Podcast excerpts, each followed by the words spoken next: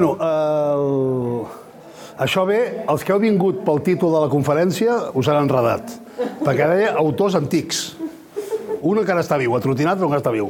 I els dos van morir fa 10, 10 o 12 anys. Uh, últimament m'he dedicat a pensar una mica sobre, en els jocs de taula, hi ha dues coses que ens falten per fer. Una és establir la història i l'altra establir la classificació. Um, establir la història vol dir si al llarg de, del, dels jocs, des del primer joc conegut fa 4.600 anys fins ara, s'hi han passat coses que poguéssim segmentar, com s'ha segmentat amb, amb, amb moltes altres disciplines culturals. Això no, això no ho tenim fet. Jo ara estic intentant fer això, crec que he fet una classificació que és prou tramposa, que ara us explicaré, i l'altra cosa és que no hem, no hem fet una classificació, una taxonomia de jocs de taula. De fet, si n'hi ha, n'hi ha, ha un parell, tres, però són, jo crec que són molt tramposes perquè les tres es queden a, al segle XX. O sigui, les dues, les dues taxonomies canòniques de jocs d'uns dos senyors anglesos, un americà que es diu Bell, que va morir fa poc, i un que es diu Murray, que va morir fa molt, anglès, aquests dos van escriure, els dos, un, un llibre sobre els jocs de taula. El, el Murray, que era el Murray era un alt funcionari un alt funcionari de la corona anglesa, que eh, crec que mai va sortir d'Anglaterra, però així tot es va atrevir a escriure un, una història dels jocs al llarg de la, al llarg de la, de la humanitat i a tot el planeta. I aquest senyor tenia molts corresponsals a per tot i va escriure, un, va escriure el primer llibre, crec que és l'any 51, però no va posar els escacs en aquest llibre. Perquè abans, o sigui, en la seva vida feia del que, fos, del que fes i en la seva vida va escriure dos grans llibres. La història dels escacs, que és un totxo així, molt interessant del 1915 o 1920 i el 1951 va publicar la història dels jocs que no són els escacs. Clar, els escacs ja ho havia escrit. I a més, li donava la possibilitat de parlar de, de, de no posar els escacs en lloc. Llavors aquest va fer una classificació dels, dels jocs i mm, va, treure, va fer unes, unes categories, o sigui, va fer un molt, amb molt rigor científic o amb aparent rigor científic i el que feia mm, funcionar més o menys, no, no, no us ho explicaré perquè és un rotllo, funcionar més o menys, però el Monopoly no existia. I quan ell va escriure el Monopoly ja existia, el Club ja existia i el, el Rich encara no existia. Després d'aquest senyor, un altre es deia Richard Charles Bell, aquest va escriure una altra, una altra història als jocs en dos llibres, una mica més seriós, però bevent de, de, la, de la classificació de, de Murray. I li va, li va passar el mateix. Ja deia més coses, però també se saltava al segle XX. O sigui, per ell, el, aquest llibres del, són dos llibres, 61-63, per exemple, i aquest ja el, el, el Monopoly i el risc llavors ja existia.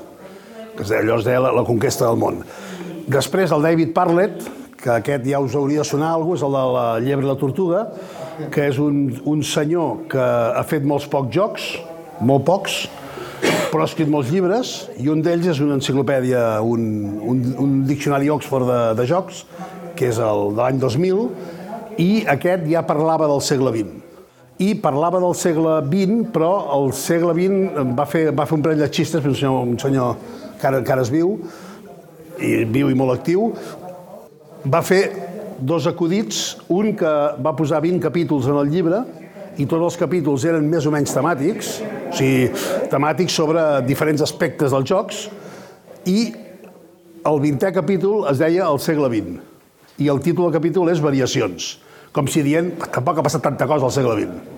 I quan parlava del Monopoly només parlava de que la història del Monopoly, que és un joc copiat d'un altre joc que va escriure una senyora que era quàquera i va, escriure un, un, va fer el joc per lluitar contra l'especulació immobiliària, etc etc. Bueno, això, això és el que, el que sabem fins ara. Llavors, el, si fos veritat, i el, perdó, i el David Parlett va esmenar la plana el, el Harold Murray i el Richard Charles Bell, perquè ja va incloure el segle XX, o sigui, hi ha, el, ha el Monopoly, hi ha alguns jocs més, hi ha el, la llebre la tortuga, ha el seu llebre la tortuga, i va fer algunes, alguns canvis en la, en la taxonomia que havien fet els altres dos.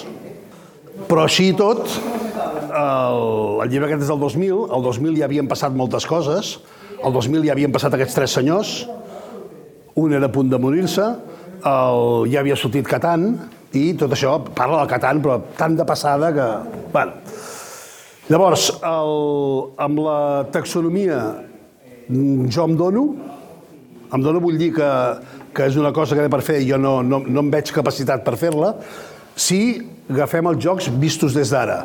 Vistos des d'ara vol dir, per mi, vistos des del millor moment de la història per, per la gent que eh, creiem que el joc és patrimoni cultural de la humanitat, el joc del joc de taula, i per la gent que ens agrada jugar. Estem al millor moment perquè mai, com fins ara, havien passat tantes coses tan diferents i tan bones. El, I això ha passat a partir d'aquests tres senyors.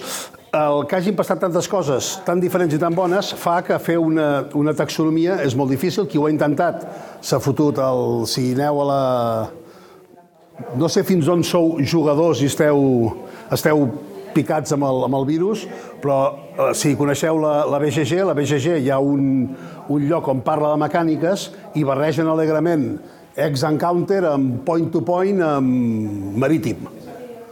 Per tant, el, vol, vull dir, si féssim una classificació dels jocs a partir de mecàniques, algunes coses serien molt clares, però altres no ho serien gens. Quan fa 30 anys ja vam fer una, una exposició sobre jocs, però llavors els jocs era l'època d'Avalon Hill, ja començava a anar malament la gran companyia americana, però encara era tot el que era, i llavors els jocs eren, era molt fàcil el que eren els jocs hi havia els abstractes que anaven per un costat i pff, després hi havia els jocs pròpiament, que eren el simulació històrica, diplomàtics, econòmics i altres.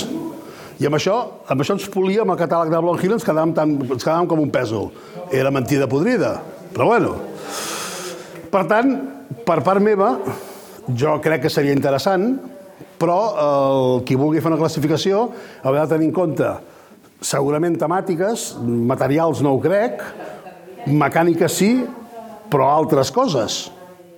Per exemple, hi ha un intent del, del Michel Lalé, que és l'autor d'Avalon, del joc Avalon, que és, és un, un tipus molt curiós, és, és músic de jazz, novel·lista i es va inventar i va crear la balona dels pocs jocs que ha fet. Ha fet algun més, però molt pocs.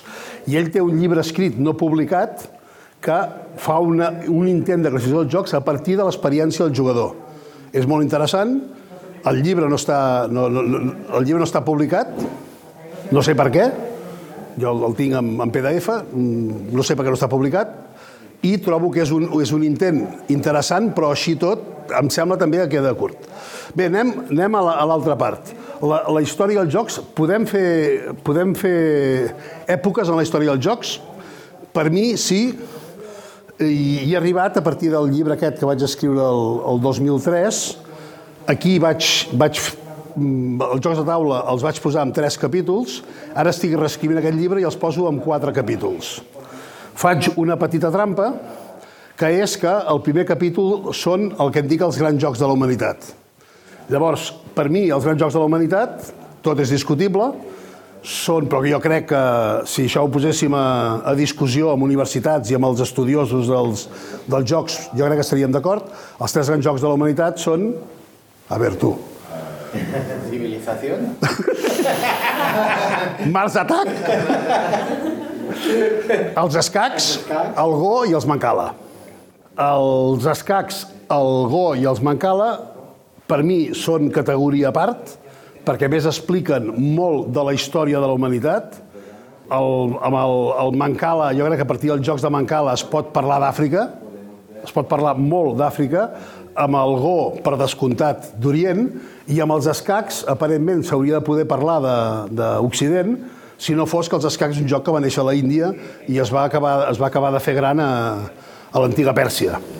Uh, bé, llavors, tret d'aquests jocs que per mi són, per mi són els tres grans jocs de la humanitat, hi ha gent qui posa el backgammon, però el backgammon té un defecte d'ADN que és que es tiren daus.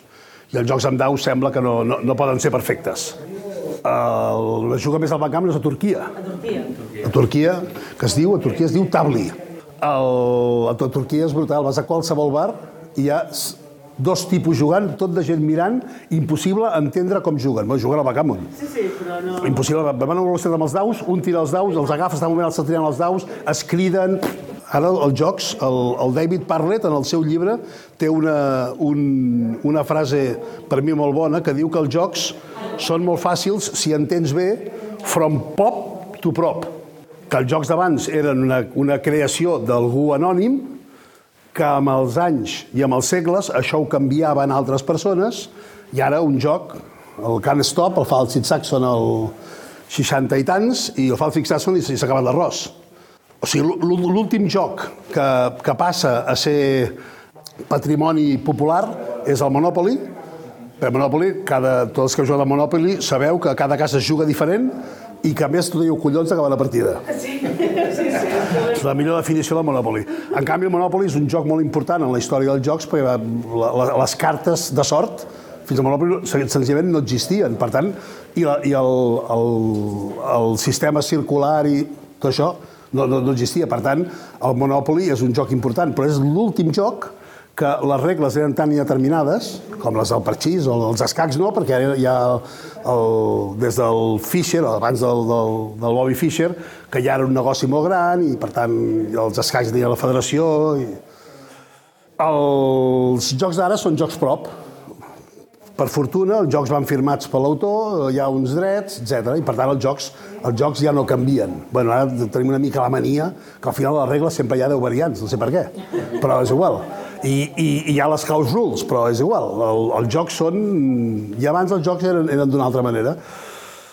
Llavors, tot això va anar passant, a part d'aquests tres grans jocs, que jo els vull deixar, els vull deixar a banda, des del principi de tot, si el primer joc conegut, el que es coneix com a joc dur, té 4.600 anys, si els escacs en tenen menys de 1.000, les dames encara molt menys, el dòmino encara menys, l'oca per xis encara menys, el backgammon 2.000 anys, posem, el Go 3.000 i el Mancala entre 10.000 i vés a saber, no ho sabem, clar.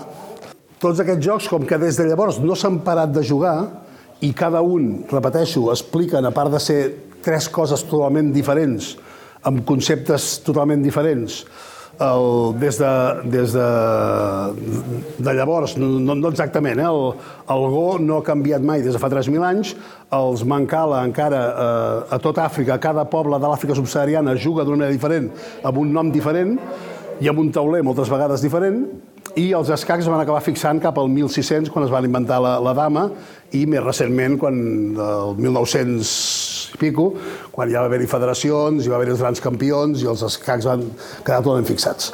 Bé, tret d'aquests tres, els jocs són, per mi, els jocs van fins al 1840, més o menys, i els jocs fins llavors són jocs amb, amb, amb, una, amb una característica. Per jugar s'havia de ser ric. Eh, ning, ara tenim el que volem, tenim massa jocs i tot, però llavors per tenir, per tenir un joc no, com no existien aquestes coses. Per tant, tenir un joc significava que algú... Per tant, qui jugaven? Jugaven la gent amb diners. I els altres, a què jugaven? Jugaven a, jugaven a jocs de paraules, perquè també són recents jocs de paraules, jugaven a jocs de paraules. O els nens jugaven a perseguir-se, o etc. Bueno, no jugaven ni a futbol, pobrets, tampoc existia futbol. Com a molt, gravaven els taulers a terra. Per això, encara en molts llocs hi ha taulers, sobretot del Quer, que és el més fàcil de, de gravar amb un, amb, un, amb un terra. Les cartes que van entrar a Europa cap al 1360-1380 eren una cosa de rics, perquè, i a més, es jugava fins que es morien, però es morien perquè es desfeien a les mans. Valia tot, valia tot molt diner, molts diners. Les cartes sí, era l'únic que hi havia, hi havia els, els llocs on es, trobava la, on es trobava la gent, normalment els homes. I el 1840 què passa? Passa que hi ha la impremta en color. O sigui, un senyor francès, el 1837, em sembla, s'inventa la cromolitografia. Per tant, a partir de llavors pot imprimir en color. I clar, no és el mateix una oca en blanc i negre que una oca en color. Les oques, fins llavors, les cartes fins llavors pintaven a mà. S'il·luminaven, que es deia. Això volia dir un, uns, uns costos que eren... Eh... Llavors, la suma de la cromolitografia més l'estat del benestar, a partir del 1900 20, 30, amb les guerres pel mig, és igual, fa que el joc pugui començar a estar a, a tot arreu. Llavors, per mi, el tall és tots els jocs fins al 1840. Quins són aquests jocs? Doncs tots els que, tots els que us pugueu imaginar. El backgammon, que ja dic que hi ha gent que el posaria a la, a la, a la primera fila, els, els, el, el parxís, la oca, les cartes, el dòmino, el dòmino ve de les cartes, el, jo que sé, el Mahjong, que és un joc de cartes, tots els jocs que, que, que vulgueu estan dintre d'aquesta categoria. Normalment els jocs, fins al parxís, crec que fins al parxís, els jocs són per dos jugadors.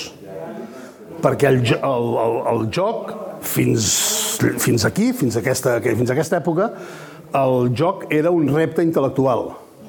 No era, un, no era una diversió. La gent es divertia amb, amb les cartes sí, amb les cartes sí, si hi havia diners ja era una altra cosa, amb el dòmino una mica també, però el, tots els jocs eren jocs de, d'aquests, com deia abans, quan fèiem la categoria, quan categoritzàvem els jocs a partir de la col·lecció de Ballon Hill, els abstractes que els deixava a banda, doncs, la majoria de jocs són així, i són jocs per dos, normalment sense atzar, tret del, tret del, del backgammon.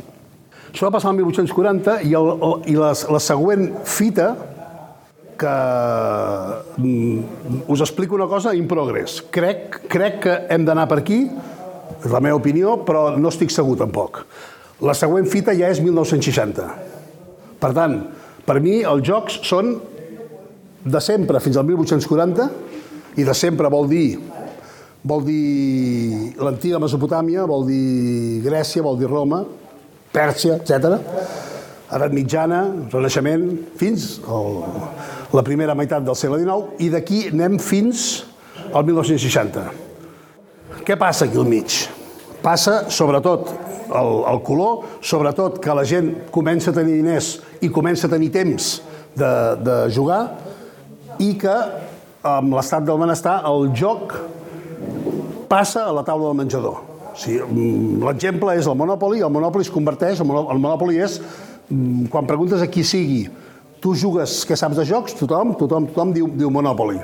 Els més joves diuen risc, però el risc ara també està de baixa, pobret.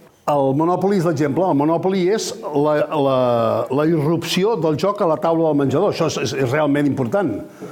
Moltes, i per tant, que el joc fos eh, unes regles impossibles, eh, impossibles, unes regles que no permetien acabar la partida, era igual. Perquè si el que feien era trobar-nos tots a la taula del menjador, era igual que durés per una família americana mitjana, era igual que el joc durés mitja hora que durés 3 hores. Les partides ràpides no ens hem inventat ara. Llavors no tenia, no tenia cap, cap valor. El Monopoly és un dels grans jocs que passen aquí, n'hi ha, ha més. Eh? Hi ha, a Europa, a finals del segle XIX, hi ha una sèrie de grans jocs, el Reversi, per exemple, l'Hotel actual, l'Alma, són les dames xineses. Ah, vale. És un joc, és un joc d'aquesta època. A les dames xineses i, el, i a l'Alma li passa el mateix que el Reversi i l'Otelo. Les dames xineses ni és un joc de dames ni és xinès però i algú fa 30 anys o 40 va, dir, va fer aquell, aquell tauler en forma d'estrella, dir les dames xineses, i, però és, és, és un joc fet per un suec el 1880 que es diu Alma. Però el tauler, el tauler un tauler normal, un tauler quadrat normal. Bé, doncs hi ha tots aquests jocs, hi ha tots els jocs de la Belle Époque, per tant, del, del, del final de segle, i eh, després hi ha els grans jocs del segle XX sobretot el Cluedo, el Cluedo és just de, final de, segona, de la Segona Guerra, l'Scrabble una mica més enllà i el Monopoly una mica més, en, més enrere. I després ja arribem on som ara. I on som ara és, jo poso el tall cap a 1960, segurament posaré 62, perquè llavors passa que hi ha tres tios que van junts, que són aquests tres senyors, el Saxon, l'Abbott i el Randolph, el Randolph no era de la colla, però bueno, que, que van junts i recreen tota la història del joc, comencen a fer coses que no havien passat mai. El joc ja era una, ja era una indústria que funcionava més o menys, sobretot als Estats Units, per, per, la, per la mida del país, eh, tothom ja jugava més, però sobretot van aparèixer aquests tres senyors que van revolucionar-ho tot. Per què? Perquè van fer tot de coses que fins llavors no s'havien fet, i en van fer moltes. I a més, a partir d'ells, sobretot a partir, de, a partir del Randolph, es van posar molt burros a ser tractats com artistes. Això el Saxon no va aconseguir. De fet, aquí Aquí encara no surt el seu nom. El, de totes les versions que hi ha de l'Acquire, només la, una edició, la, tinc una edició alemanya, que el seu nom surt molt gran, però amb les versions americanes encara ara la, la, L'edició actual és aquesta? Aquesta és l'última? Sí, sí, és l'última, oi? Sí. És, és, és l'última i em sembla que el reconeixement que li han fet és que una de les corporacions es diu Saxon. Sí. Llavors, el, el Randolph, sobretot, va ser un dels que es va posar més burro a, a, signar, a signar jocs. Això de signar els jocs, que ara, si sou, per pocs jugadors que sigueu, el, sabreu noms, noms d'autors, us agradarà un autor, us agradarà un altre, li tindreu mania al Canícia o no li tindreu mania, o pensareu que és el millor com jo, és igual. El, això abans senzillament no existia. O sigui, el Saxon és un desconegut. A l'Abbott no diguem. I el Randolph, perquè en, encara el Randolph va morir el 2004, encara es republiquen jocs seus, el Saxon menys, n'hi ha, però menys, i de l'Abbott, zero patatero, l'Abbott no existeix per res. I en canvi els tres, el conjunt de l'obra dels tres, la de l'Abbott, poca perquè és un, ser un senyor, és un senyor de molt mal caràcter, i com que no guanyava diners va engegar tothom a la merda i va deixar de fer jocs, i van perdre molt, però aquesta és la història. I en canvi els altres dos, el Saxon no va sortir mai dels Estats Units pràcticament, el Randolph sí, va viure, de fet va morir a Venècia, però va viure molt al Japó, va viure a Alemanya, i el Randolph va ser el que va fer, el, el que va, ho va fer pujar tot, juntament amb el Glonaga, Erwin Glonaga, que era l'editor de Ravensburger llavors.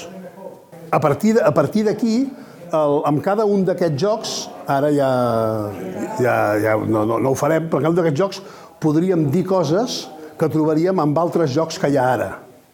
Per exemple, Només, només un exemple. L'Eleusis, que és el gran, el gran joc de l'Abbott, que és, és un, joc de, un joc de cartes, la puntuació del Dixit, si el Dixit, si el, suposo que el coneixeu, si us de les coses bones que té el Dixit, perquè el Dixit podria, ser un, podria estar gairebé a la frontera del no-joc, és a dir, una activitat interessant etc. Però podria estar a la frontera del joc, com el Trivial Pursuit. El Trivial Pursuit és no joc, és molt divertit, però qui sap que qui sap quina és la capital de, de, de Filipines ho sap, qui no ho sap no ho sap. Aquí no hi ha joc, però és molt divertit. Doncs el, el Dixit podria estar a aquesta línia si no fos que té un sistema de puntuació totalment pervers i que fa que, més enllà de que el Dixit és d'aquells jocs que guanyis o no guanyis, t'és igual, però t'ho has passat molt bé, que el que guanyi sap per què ha guanyat i tingui motius per haver guanyat. Doncs bé, el sistema de puntuació del Dixit és una, una, una destil·lació en petit del sistema de puntuació de, de l'Eusis, que és, per mi, el millor sistema de scoring de tota la història dels jocs. Una cosa absolutament perversa que, que fa que hagis de, fer, hagis de jugar d'una manera, però no pots jugar d'una manera en funció de qui tens davant, perquè això no et donarà punts i el donaran als altres, igual que el Dixit. Eh? El...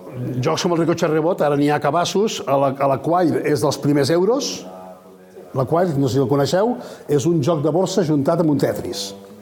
Ara, amb els jocs, eh, juntar coses, bueno, ja ens és igual perquè ja ho juntem tot, però el, no el 1962, és el primer. I, de fet, que un joc així es segueixi, es segueixi, es continuï jugant i es continuï editant és un, és un gran què. Del, el, coneixeu la mecànica del Push Your Luck?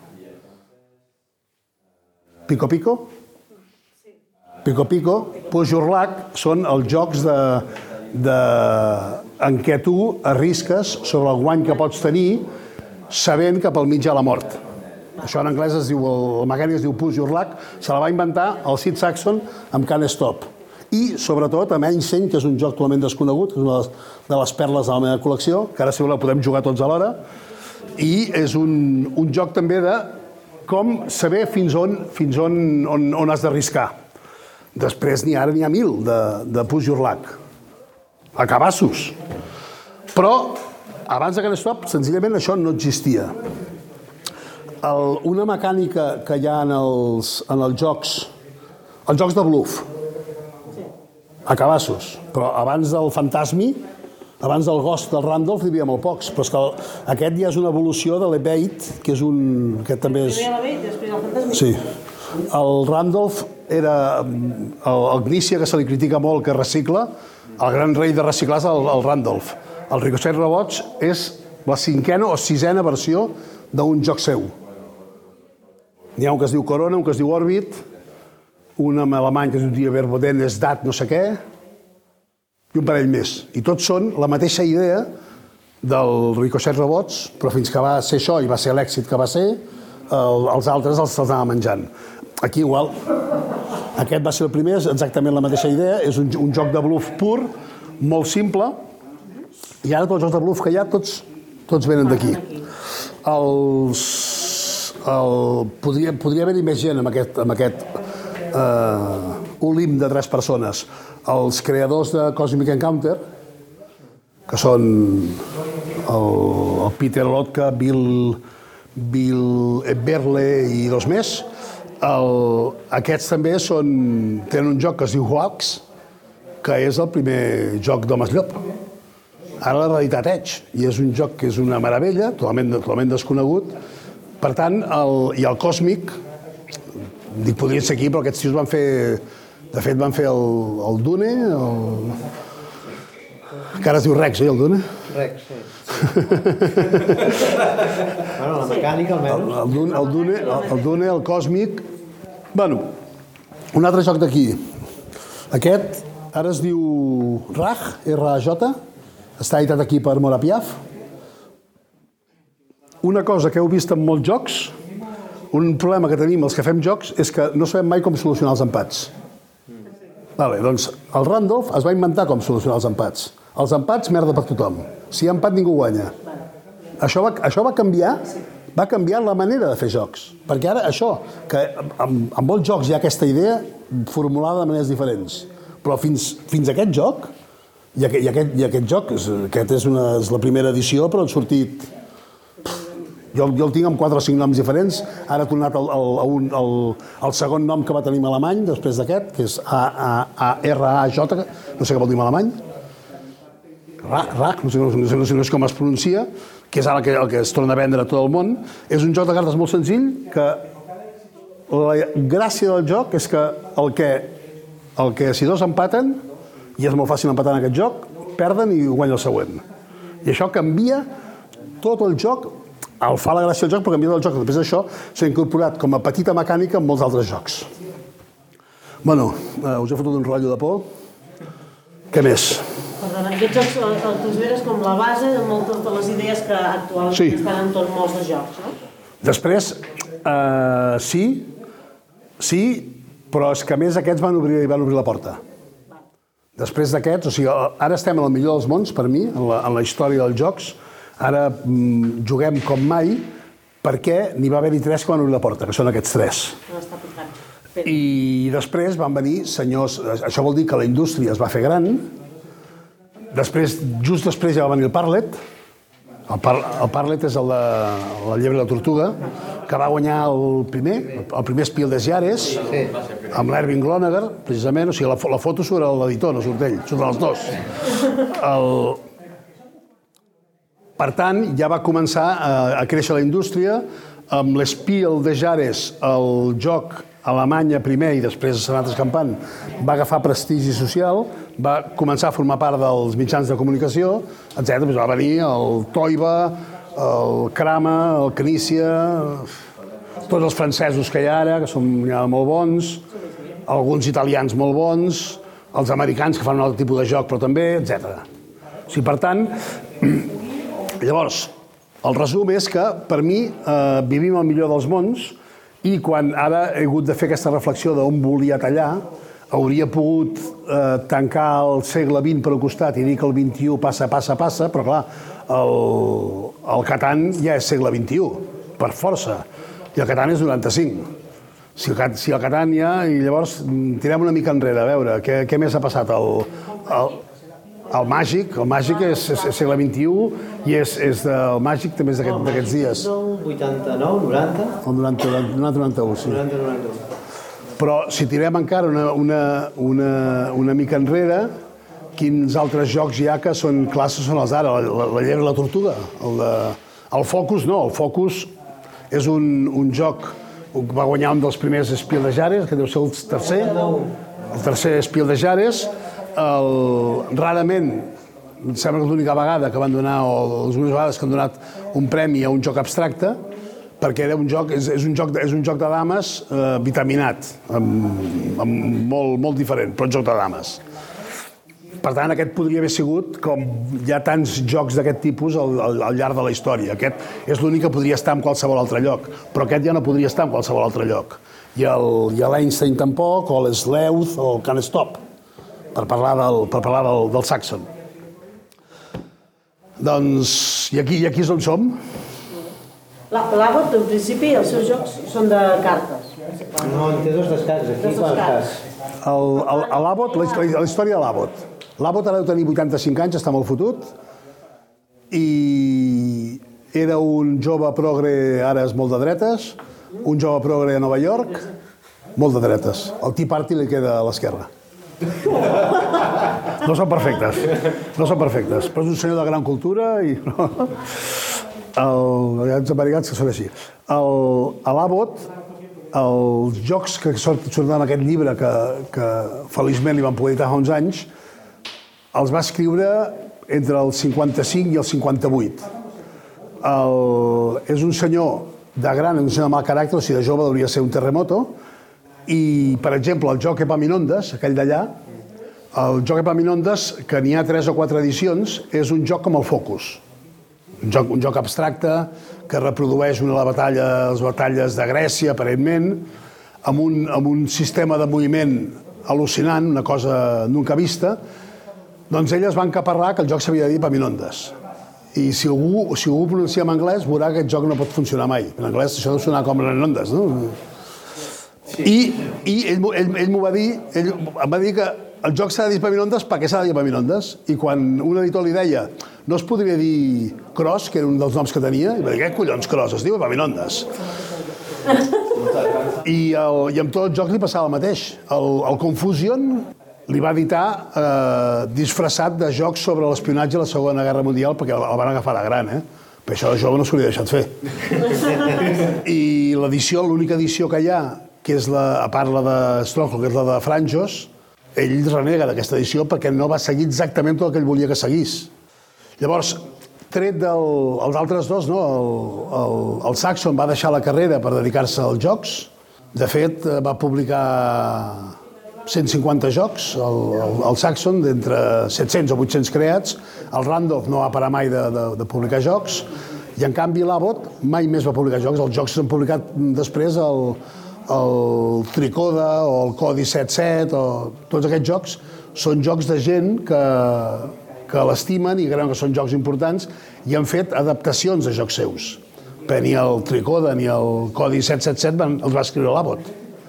Llavors ell va escriure els jocs que hi ha en aquest llibre, o sigui, aquest llibre és superfonamental, està escrit per ell, o sigui, aquest llibre el va escriure ell, el va editar ell amb edició d'autor, primer amb quatre jocs, després amb vuit, i aquí va sortir en format de 10. Aquests són tots els seus jocs, més l'Epaminondes. Jo crec que no hi ha res més. El, aquest aquest d'aquí, que aquí té forma de joc, també de franjos, aquí em sembla que es diu igual i és un joc de cartes. Sí, no, sí, un joc de cartes. Llavors, el, el, el seu llibre es deia, en, anglès es deia Vuit jocs de cartes, com aquí n'hi vaig, posar, n'hi vaig posar un parell més, ja vaig posar aquest altre títol, i aquí hi ha l'última. I l'última és un gran joc d'escacs, que només li interessa que jugui als escacs, va revolucionar, o sigui, va fer una, una cosa que des del punt de vista de l'estudi és, és interessant, però que tret d'això no té cap interès, que és que l'última és un joc que resumeix tota la història dels jocs. Si, si coneixeu jocs abstractes, en els, el, va agafar una característica dels jocs i els, de, la que va agafar era com es capturen els jocs. I en els jocs es captura per substitució als escacs, per salt a les dames, per allunyament al fanorona, per encerclament al tablut, sembla que s'acaba aquí. Doncs ell va fer un joc que cada peça, és un joc d'escacs, aparentment, però cada una de les peces captura seguint el model d'un joc o d'un altre. I amb uns moviments depèn d'un joc o d'un altre. I a més es va inventar dues formes de captura més. Una molt curiosa, que és, el, em sembla que en diu l'interceptor aquí, que és la, la captura per coordenades. Si tu estàs aquí, estàs aquí, i si hi ha una fitxa, te la menges. Era un senyor que tenia molt de pesquis. El, el Randall va morir, va morir a Venècia, el Leo, el Leo viu, viu a Venècia i el Leo es va convertir una mica en el marmessor de, de l'Àlex Randolph. El deuria cuidar els últims anys de la vida. No, no és, no, no, tampoc és una, no crec que sigui una relació tan, tan fàcil com això, no, no, no ho conec prou. I el cas és que un dels últims jocs del Randolph, l'Incògnito, el firmen junts. I, i a partir d'aquí ell és el marmessor i, i jo crec que el marmessor no, no actua prou bé, però bueno, i ell, ell, ell té el, el títol de marmessor, així com amb el, el, el llegat de Saxon es va perdre miserablement, miserablement, va, ell va morir el 2002, però d'uns anys abans estava molt malalt, de manera que necessitava, necessitava infermeria 24 hores al dia. Això vol dir que necessitava tres persones treballant amb ell, una, una, una cuidadora, amb torns de 8 hores, tres al dia.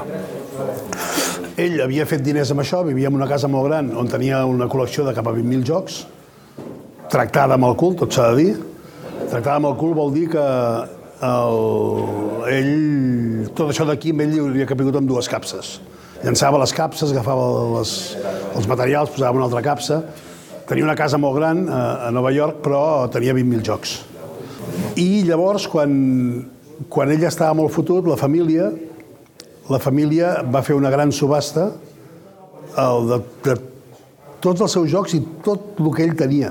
Tot Saxon va, va, sortir a, va sortir a subhasta. La gent que li van a dir a la, a la vídua, bueno, a la dona llavors, eh, això no es, pot, no es pot perdre d'aquesta manera, això algú hauria de fer cosa, va dir, vale, qui em, dona, qui em dona els diners que em donarà d'una altra manera? Jo no estic diners per pagar les, les cuidadores del meu home. No tenim diners a aquesta casa.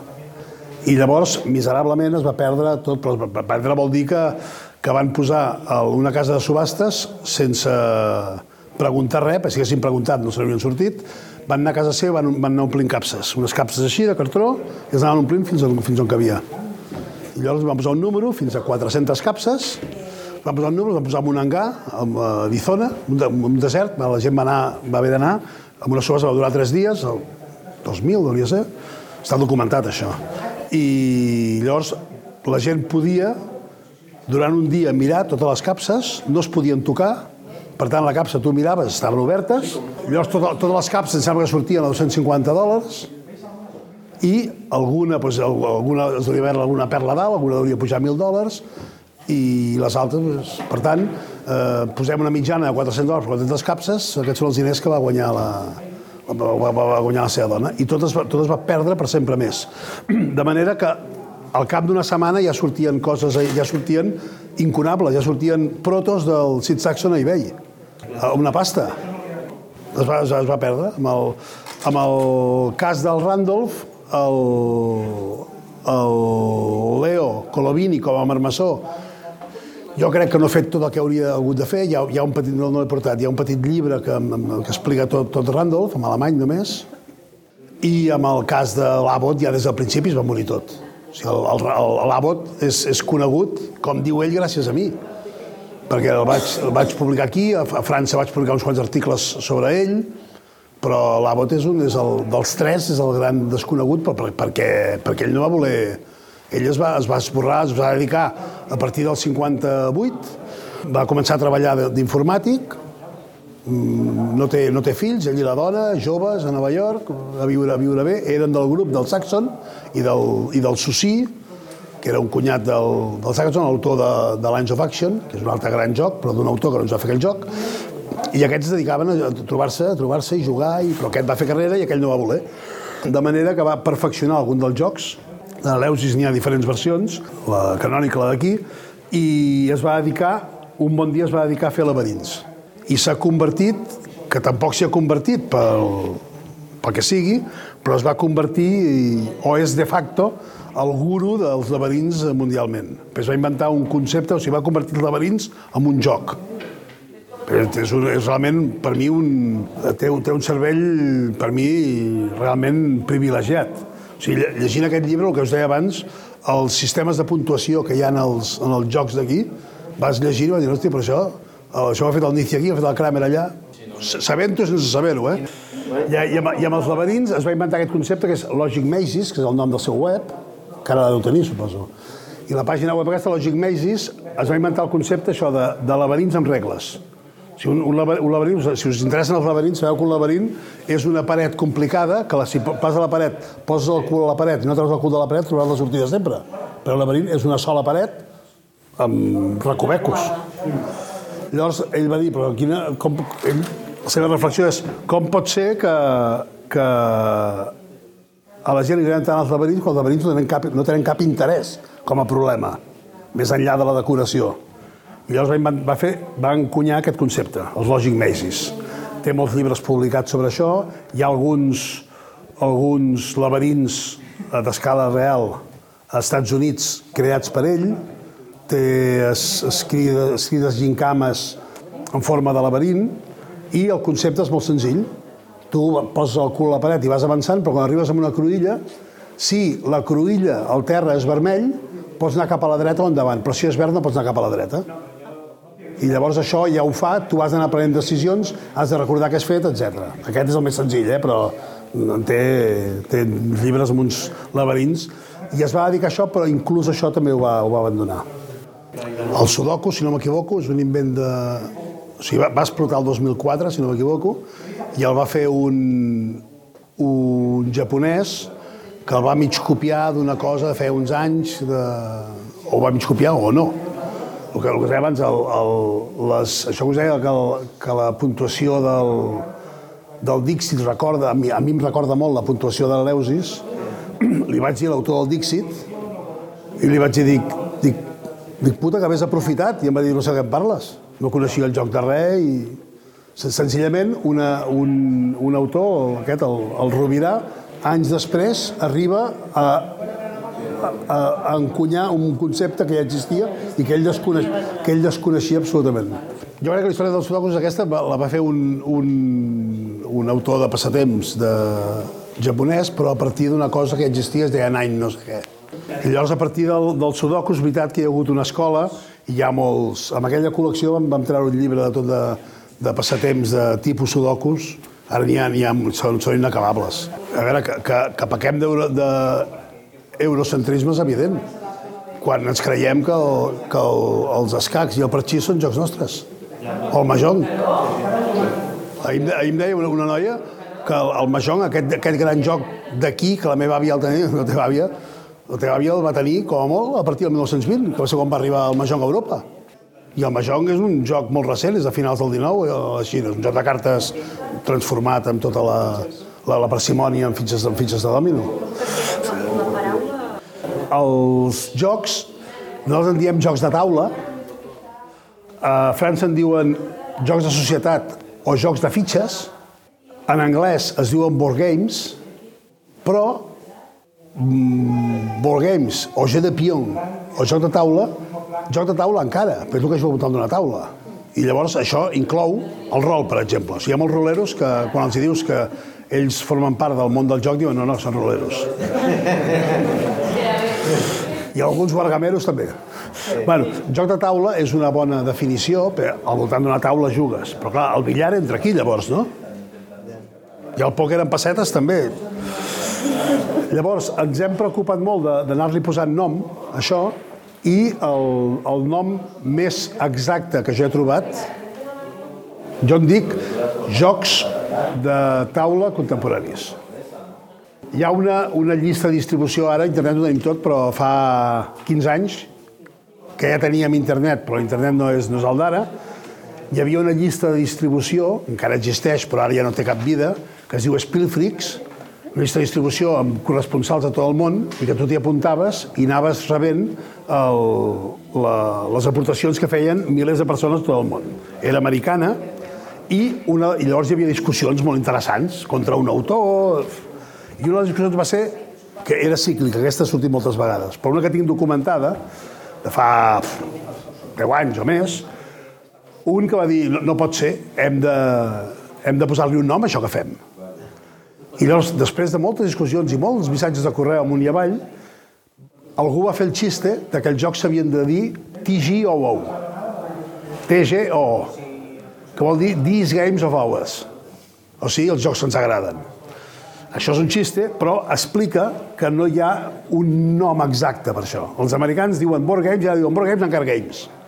Els francesos, com el G de Societé, com que arriba fins al Twister, pues ja, ja, ja, ja, ja, ja, anem, ja anem prou bé. Llavors, els Eurogames va haver-hi un moment, a partir, sobretot, de que Alemanya, Alemanya va començar a haver-hi autors que firmaven editorials més especialitzades, el premi aquell, premsa especialitzada, fires, molt de públic, etc, que van dir aquests jocs, aquests jocs no són jocs de taula, és una, una altra cosa. I llavors van començar a dir noms. I els noms que van sortir eren German Games, Designer Games i Eurogames. I els tres són el mateix. O sigui, són el que jo en dic jocs de taula contemporanis. I llavors, d'aquests tres, el que va fer fortuna es deien German Games perquè era, a Alemanya on havia començat tot. Es deien Designer Games perquè eren jocs que per sempre, i ja quedava clar que eren jocs d'autor. I es deien Eurogames perquè eren els jocs que hi havia a Europa. Perquè als Estats Units no hi havia aquests jocs. Això no té res a veure amb la nacionalitat de l'autor ni de l'editorial, sinó amb el tipus de joc. L'Eurogame és el Catan. Per tant, com a definició, i no val massa més enllà d'això, un Eurogame és un joc on el que està per davant de l'ambientació és la puresa del joc, la mecànica del joc, l'elegància, que tot funcioni perfectament. Allò que alguna gent diu, per, per mal parlar d'un joc, diuen és un joc tan bo que no cal jugar-lo. El joc juga solet i els jugadors van movent quan ho diu el dau. Això és el que és pitjor que es pot dir d'un joc, no? El, llavors això són els euros. Però això és també perquè, el, i això hauria sortit d'aquesta llista Spielfreak, suposo, perquè també llavors van dir, bueno, però si els, si els europeus fan això, què fem nosaltres? I allà hi ha molta vida. Llavors algú es va inventar, entre molts altres noms, va acabar quallant el concepte Ameritrash, la merda americana. I com que el nom el va posar en americà, ningú va discutir. Llavors, l'Ameritrash és, per comparació amb l'euro, un joc on el més important és l'ambient, l'experiència, l'experience. Això és el més important del joc. Si després les regles enganxen o no enganxen, per això el Monopoly, que és un gran, un gran Ameritrash, avant, avant la letra, el, el Monopoly, si la partida durava 4 hores era igual, però anàvem menjant crispetes i anàvem portant pizzas i anàvem veient la tele. Però no, no, no, no aguanta molta discussió científica, això, eh? Llavors, el rol... El, el, el, el rol, per definició, és, és Ameritrash, però el més important, el rol és parlar, hi ha unes regles a seguir, etc, però l'important és el... I, I en el Catan, tu quan jugues al Catan et penses que ets una aventurera que arribes a una illa i trobes uns lladres que no saps d'on surten? Jo quan l'explico sí, ho explico, eh, però tampoc m'ho crec massa. Els, de fet, el, els, els jocs que tenen més puntuació entre la comunitat mundial de jugadors, però que es va, que és aquesta BGG, però que es basa sobretot amb la població americana, els jocs que estan més amunt tots són euros, i euros durs. O sigui, després els euros i els euros i els euros durs, que són els que duren molt, has de pensar moltes coses, sempre n'hi ha un que rebenta la partida perquè està pensant, pensant, pensant. Això que en diem, això en diem euros durs, i aquests són els que estan a dalt de tot. Tret, tret del Twilight Struggle o, i, del, i del Legacy, que són dos jocs que estan a dalt de tot, del Pandemic Legacy, que són jocs que se'ls ha reconegut, que són grans aportacions i ja canvien la manera de jugar, la resta que són el Terra Mística, us agrada el Terra Mística? El, el Caverna? Jo no els he jugat, eh? No sé. Però si hi ha un llibre així no els posaria, aquests jocs. Què, què jugueu? Ah, bueno, clar, sí, sí. Ara està a l'etapa de Wargames. Porten sis mesos jugant. La mateixa partida? Sí. World in Flames? Sí, és joc d'aquests. Sí, jo, jo, jo no, soc, no jugo a Wargames, però amb els amics que juguen a Wargames discuteixo sempre, per picar-los, si el Wargame fa el tema o fa la mecànica. El, els acadèmics diuen que el primer Wargame de la història són els escacs. I com ho raonen? Ara els Wargames què fan? Reprodueixen amb tota la fidelitat que poden, la versemblança que poden, una batalla. Present, futura, real o de ficció. Els escacs reprodueixen exactament una guerra medieval. Es lluita de dia, se sap qui tens davant, qui tens davant és com tu, davant poses els que van a morir, pobrets, tens la possibilitat d'infiltrar-te, tens un, uns que avancen una mica més ràpid i que no es pot controlar massa bé què fan, que són els cavalls, i tens els que disparen fletxes, que són, els, són les torres. I el rei, que és un merda, però és l'únic, és el més important, però mm, no, no pot fer res més que amagar-se. Això és una batalla, les batalles medievals eren exactament així. Es trobaven en un camp, quedaven demà a les 8 del matí en aquell camp i tot l'últim. Per tant, és un wargame. Ah, ah. I, escolta, i, i els point-to-point tampoc són wargames? I juga amb pinça. Diu, si la resta de jocs no jugues amb pinces, no. Ah, vale, vale. Hòstia, sou, sou de l'antiga escola, eh? Els escacs neixen d'un joc que es deia Estapada, que va passar a ser un joc que es deia Chaturanga, i aquest Chaturanga, dels 600 i el 800, va començar a donar voltes. I el Chaturanga era un tauler d'escacs que jugaven quatre. I aquests quatre jugadors, que es posaven als cantons, amb menys, amb menys fitxes. I aquestes fitxes es movien tirant un dau. Imagina't. Però hi havia l'elefant, hi havia el rei... Llavors, del Chaturanga això va evolucionar. Com va evolucionar?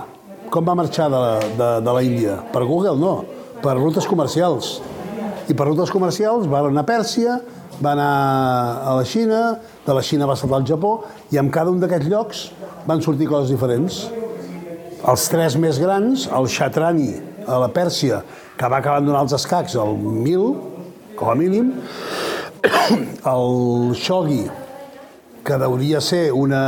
No, no, no ho tinc al cap, però el Shogi hauria venir del, del Xianxi i quan el Go va passar de la Xina al Japó, el Xianxi hauria el mateix Makuto, m'imagino. I això hauria ser el 600, per exemple, el 100 de la, de la nostra era. I, però tots els escacs són igual de bons. Sí. No, no sé si hi ha més jugadors de Shogi que d'escacs, però de Xianxi segur que sí.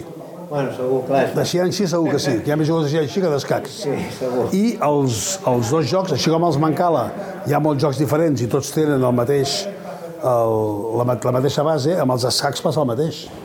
En, el, en els escacs no hi, ha, no hi ha uns escacs més bons que els altres. Ni amb les dames. Les dames aquí juguem a el que es diu dames espanyoles, però el món no juga a les dames espanyoles al lloc. Es juga a les dames franceses, les internacionals, que és un tauler, un tauler 10 per 10, amb unes regles diferents, o juga a les russes, a les americanes, o a les angleses, cada país juga a les seves. I ara s'ha acabat oficialitzant el que, eren, el que eren les dames franceses, ara es les dames internacionals. Les dames, eh, aquest procés ha sigut més, més lent i no tan fixat, perquè les dames és una creació més recent i perquè les dames no està considerat un joc tan, tan important com els escacs. Bueno, senyores i senyors, Moltes gràcies. a vosaltres. Sí.